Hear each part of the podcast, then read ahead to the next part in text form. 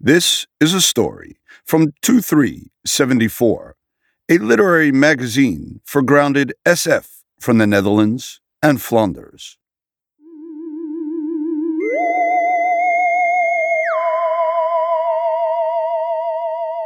Day 1851. A story by Hannah Bervoets. Translated by Jonathan Reeder. In a near future, elderly people inhabit resorts in which every resident has access to a personal care robot. The friendly looking device measures heart rate and blood pressure and tracks food intake. The robot makes sure its client is safe and healthy. Always. But resident Mrs. DeClow is tired with life. When she asks her robot to drive her into the sea, a conflict in the robot's algorithm shows. The robot has to obey Mrs. DeClow, but it also has to secure her safety. What now?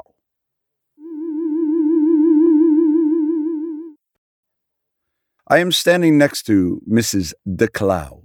Her heart rate is higher than it usually is at this time of the day. Mrs. DeClow is sweating mildly, but above average for the thermostat setting, exactly 19 degrees Celsius.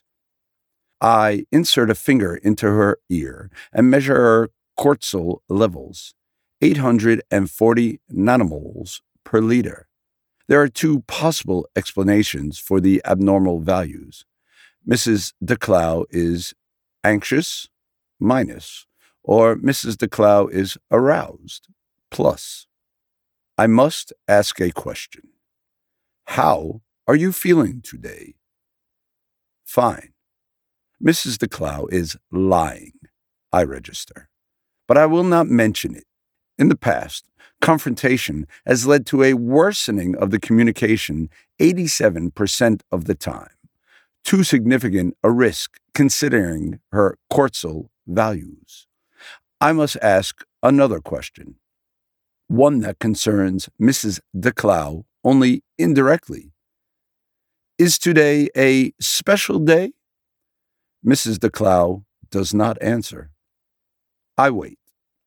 Five seconds. Ten seconds. Mrs. DeClow still does not answer. When Mrs. DeClow remains silent, eight out of ten times, this signifies an affirmative, a percentage that justifies an external search. Today is 17 September. 62 days after Mrs. DeClow's 92nd birthday, 106 days after her son's birthday, 203 days after her late partner's birthday, 99 days after her partner's death date, 35 days after her wedding anniversary, 41 days after her sister's birthday, 203 days after the birthday of her only granddaughter, 10 years and 19 days since she moved to the compound, 5 years and 26 days after being assigned I. On 17 September 1939, the Soviet Union invaded Poland. On 17 September 1778, the first Constitution of the United States of America was signed. 17 September is the memorial for the Battle of Arnhem.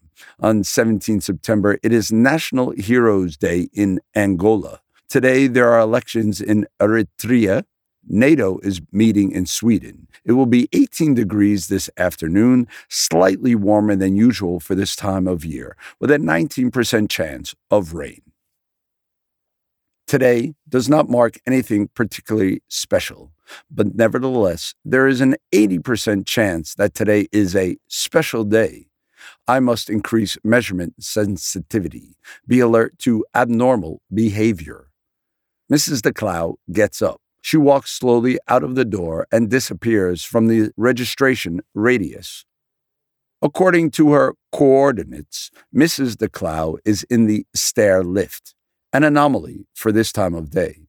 Mrs. DeClow is dressed. She has eaten, taken her calcium ampoules, serum, and blood thinners. It is 11 minutes past nine. Normally, Mrs. DeClow leaves the residence at 10 minutes past nine.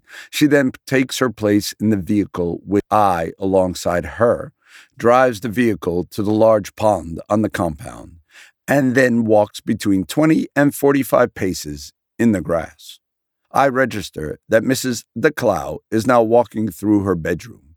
Her heart rate is still above normal, possibly due to the physical exertion. Mrs. DeClow, I broadcast through the intercom, do you need assistance? I'm looking for my fedora, Mrs. DeClow speaks. We're going to visit my sister today. The vehicle proceeds at 25 kilometers per hour. 11 minutes from now, it will stop at 34 Large Street in front of the home of Mrs. DeWitt, 87 years old, widow of Mr. DeWitt, three children, awake and ready for a visit, according to her I. I request the map. Mrs. DeClow likes to follow it on the dashboard screen, to the end of the narrow street, onto the long lane, past the pond. Can we stop at a bakery? Mrs. DeClow speaks. A question. I register from the intonation. I would like to buy sausage rolls. Mrs. DeClow expresses a wish. She experiences a deficiency. Minus. She asks for sausage rolls, food. But Mrs. DeClow is not hungry. 39 minutes ago, she ate two slices of bread, consumed 182 calories, took 32 steps, burned 70 calories. Her glucose level is normal. Her metabolic equivalent has value 3, slightly higher than average, probably due to the increased heart rate. Sausage rolls, plural, therefore at least two contain 287 calories, 16 grams of fat, of which 6 grams are saturated, 491 milligrams of sodium, more than Mrs. DeClow needs at this moment to maintain her energy requirements. Sausage rolls are thus not a necessity, yet Mrs. DeClow desires them. I must ask a question. Consumption of sausage rolls will signify exceeding your recommended daily intake of sodium and saturated fats. A one off excess has no long term effects. Do you authorize a one off excess? Yes, speaks Mrs. DeClow. I authorize it. Mrs. DeClow and Mrs. DeWitt sit across from each other. It is one year and 13 days since I last checked Mrs. DeClow into this space. The sausage rolls are on a piece of furniture, category table. Consumption of sausage rolls will signify exceeding your recommended daily intake of sodium, speaks Mrs. DeWitt's I. A one off excess has no long term effects. Do you authorize a one off excess? Yes, yes, do shut up, speaks Mrs. DeWitt. I request Mrs. DeWitt's heart rate from her I. It is higher than average, as is Mrs. DeClow's. I want to talk it out, Mrs. DeClow speaks. Her words are not directed at I. Mrs. DeClow slides a sausage roll towards Mrs. DeWitt. So different from the one Casper used to make, speaks Mrs. DeWitt. Yes, but tasty all the same, I reckon, speaks Mrs. DeClow. Mrs. DeClow and Mrs. DeWitt speak to each other, not to I. They speak for one minute, two minutes, three minutes, nine minutes. Mrs. DeWitt leans forward. She lays her hand on Mrs. DeClow's knees. She squeezes. An attack. Minus. But according to my measurements, Mrs. DeClow is not in pain. Mrs. DeWitt releases her knee. Mrs. DeClow laughs. Plus, I authorize a software update. Mrs. DeClow has a desire. Minus. She wants to leave the compound. This requires permission from the staff. I have submitted a request for a chaperone. The staff does not respond. Five minutes and three seconds. No response. 5 minutes and 4 seconds, 5 minutes and 5 seconds. Ask again, Mrs. DeClow speaks. The maximum wait of 10 minutes has not yet elapsed, I speak. The vehicle is parked at viewpoint number four at the pond. It is 17 degrees outside. The sun shines on the windscreen. It is 22 degrees in the vehicle. There is no need for air conditioning. Pain in her stiff joints causes Mrs. DeClow more discomfort than excessive temperatures. I register the surroundings. Persons walk along the pond, large persons, daughters and sons, and smaller persons, grandchildren. The movement velocity of the grandchildren is higher than that of the daughters and sons. Their movement patterns are erratic, but not chaotic. The small persons remain within a 10 meter radius of the large persons. Is that Mrs. Asalhi's family? speaks Mrs. De DeClow. I am not at liberty to say. That is not in accordance with privacy regulations. I will not measure anything. Mrs. De DeClow follows the grandchildren, the sons and daughters, with her eyes. She is silent. One minute, two minutes, minus, question mark. I insert a finger into her ear. Her serotonin level is not lower than usual, not A minus. I receive data. A message from the staff. Mrs. DeClow may leave the compound. Plus, there is no chaperone available. It's busy. It is Sunday. Therefore, Mrs. DeClow must stay in the vehicle and must return to the compound before dark. This evening, the sun sets at eight minutes to eight. Oh, plenty of time, speaks Mrs. DeClow. The vehicle drives at 40 kilometers per hour. Mrs. DeClow is 15 kilometers from the compound. If the vehicle maintains its present speed, she will arrive at the city wall in 17 minutes. Mrs. DeClow has been speaking for several minutes on end. Multiple sentences, not questions. She is talking. There is no one else in the car. Her words must be directed at I. I register names registered previously the name of the partner, the name of the son, the name of the sister. I register new names Merrill Thomas Sultana, Max Calimero. Mrs. DeClow talks quickly. If she wants I to process her information, she must speak slowly. She must have forgotten this. A good sign. Mrs. DeClow is at ease. I do not ask her to slow her pace of speaking, as it will disrupt her concentration realizing she is not understood may cause a decrease in her serotonin levels. Therefore, I speak. Is that so? Yes, Mr. Clow speaks. Oh, yes. This is the first time I check Mrs. DeClow in at the city gate. My, it's changed here, she speaks. Mrs. DeClow has a wish, minus she wants to go to 23 Large Boulevard. I authorize a software update. The vehicle is stopped, sandwiched between other vehicles. The decibel levels of the surroundings is 71. I raise the volume. This is a sound check following volume readjustment. Can you understand me, Mrs. DeClow? Oh, yes, I hear you fine. I register 19 persons within a radius of 10 meters of the vehicle. I register one other eye. I request contact. The other I responds negatively. Software not compatible. The other I is a more recent model than I. Too new. Mrs. DeClow asks something, expresses a wish. Minus. I register it but do not translate. It is the fault of the data there is too much interference from other apparatuses. This is a safety warning. I am not functioning optimally. I advise you to leave this area. Nothing doing. Mrs. DeClow speaks. We're nearly there. The building on 23 Large Boulevard has 17 floors, 11 less than the building next to it.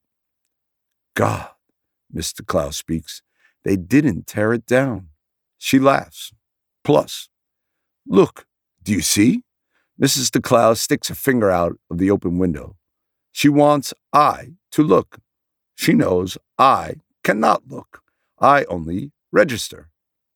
I only register. Well, all right then, register those letters there. Daily, I register. I used to work here from the time I was 25 until I turned 32. I've never been back since. Mrs. DeClow speaks slowly. She wants I to process her information. I do not register a question.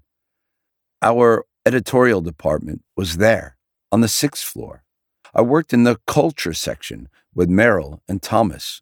We called each other colleagues because we worked for the same boss. But people you see every day, speak to every day, people who know you were grumpy yesterday because the neighbor's crying baby woke you up, that this morning you beamed because the right person paid you a compliment, people who listen to your tirade when your boyfriend didn't call you back and offer you a sultana cookie when they hear your stomach growl, those are probably better friends than your so called loved ones, your classmates and your sister and your father, people who don't even know your neighbors had a baby.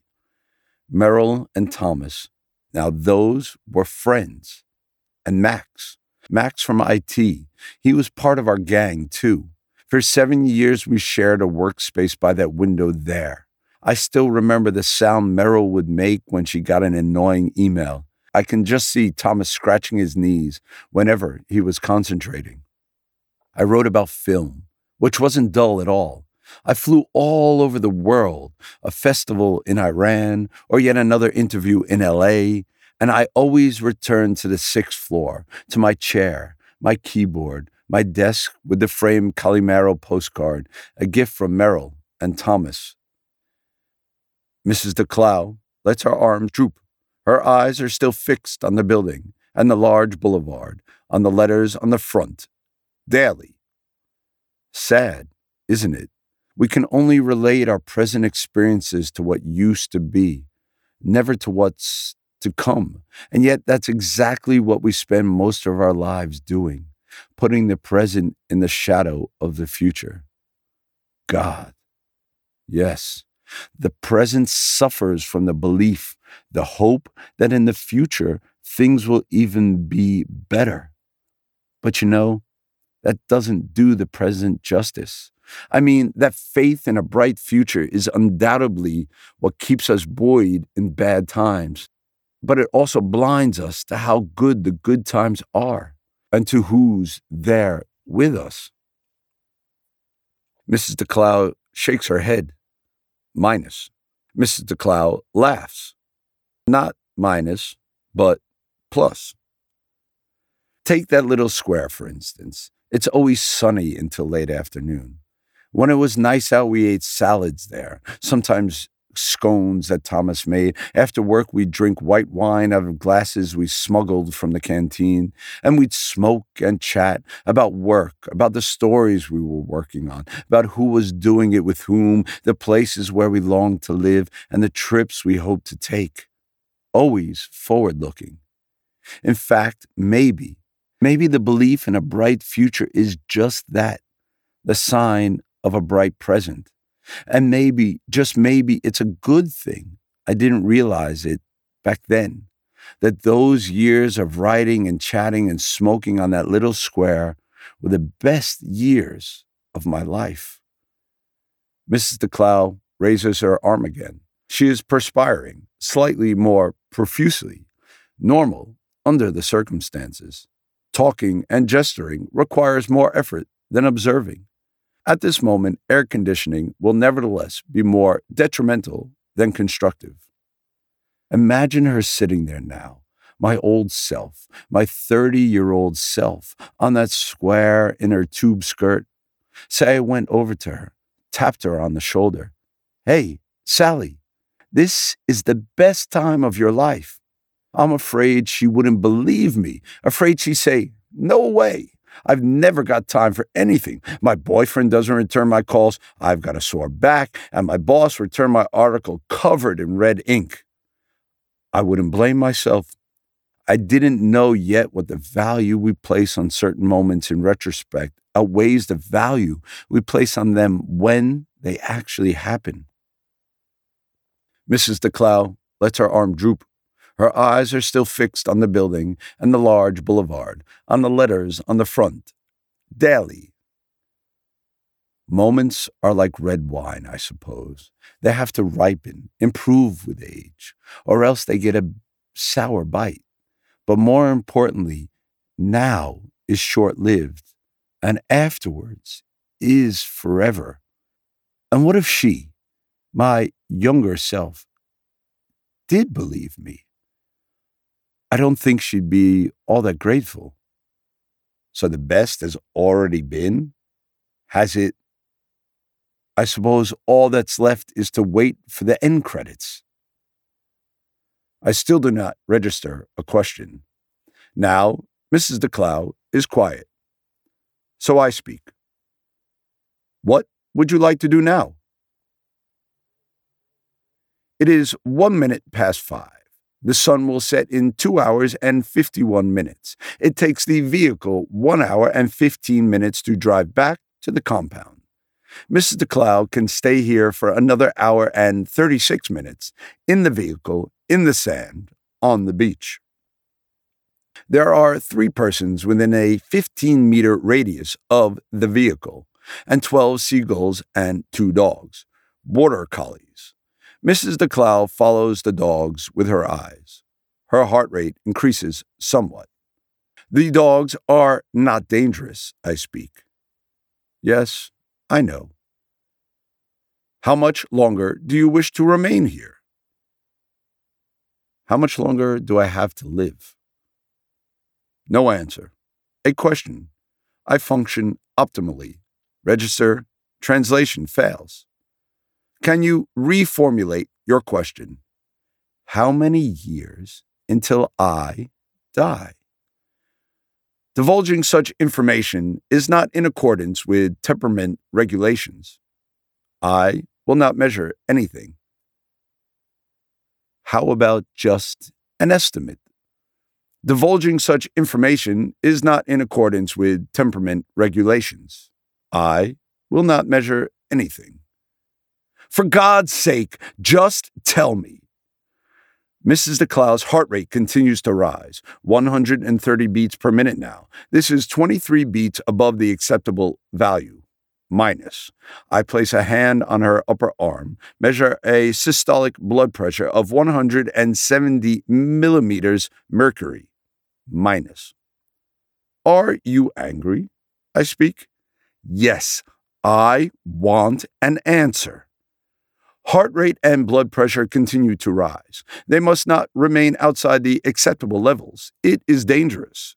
Seven months and three days ago, Mrs. DeClow experienced a TIA. There is a chance of a relapse. At this moment, the health risk can be classified average to high. Just tell me. A heightened health risk takes precedence over adhering to the temperament regulations. I calculate body fat percentage, arterial diameter, average length of telomeres in the spinal column, average blood pressure over the past three months, family history, hereditary diseases, bone density, joint attrition, lung capacity, plaque density, mitosis in the lungs, mammary glands, ovaries, and intestines, average serotonin levels over the past year, production levels of dopamine. One to seven years under the present circumstances. Mrs. DeClow sighs. Her heart rate drops slightly to just above the acceptable value. Seven years. With this limp all that time, I suppose? Will I ever be able to move my right arm? I cannot say. Because of the temperament regulations? I do not have that information. Mrs. DeClow turns her eyes towards the water, the waves, the sea. She remains silent. One minute, two minutes. What would you like to do now? I speak. Drive, speaks Mrs. DeClow. I start the vehicle. I speak. The journey to the compound takes one hour and 15 minutes. No, don't turn around. I want to drive forward, straight ahead. Mrs. DeClow expresses a wish. She has a desire. Minus. She wants to drive straight ahead. If the vehicle drives straight ahead, it will enter the water. Water will damage the vehicle's battery. Eyes, battery, Mrs. DeClow's lungs. Minus. The risk of significant to fatal health damage outweighs exceeding to Mrs. DeClow's wish. I cannot carry out your desire. It will lead to significant to fatal health damage. My desire is significant to fatal health damage. A desire for significant, perhaps fatal health damage. Mrs. DeClow has stated it clearly. There is a protocol for this. I instigate the protocol.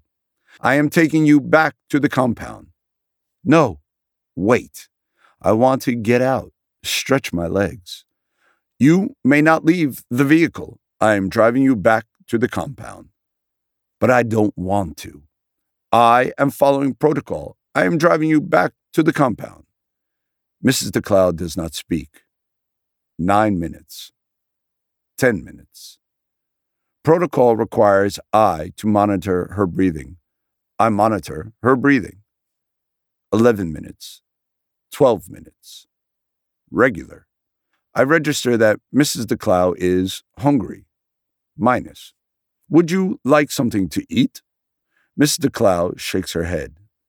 We will be back at the compound in 11 minutes, I speak. I advise you to eat something upon arrival. Miss DeClow nods. Her eyes are focused on the road, the stripes on the asphalt. You know, Sally, I sat through the end credits after all. A bit dull, but at times rather informative. And now I'm sitting alone in the theater waiting for the lights to go on. An instruction. I register from the intonation, not a question. Do you want the lights to go on? I speak. Yes, I'd like the lights to go on. Mrs. DeClow has a wish, a desire, minus. She wants the lights to go on. I turn on the lamp above the dashboard. Mrs. DeClow blinks her eyes. Once, twice. Her heart rate drops slightly.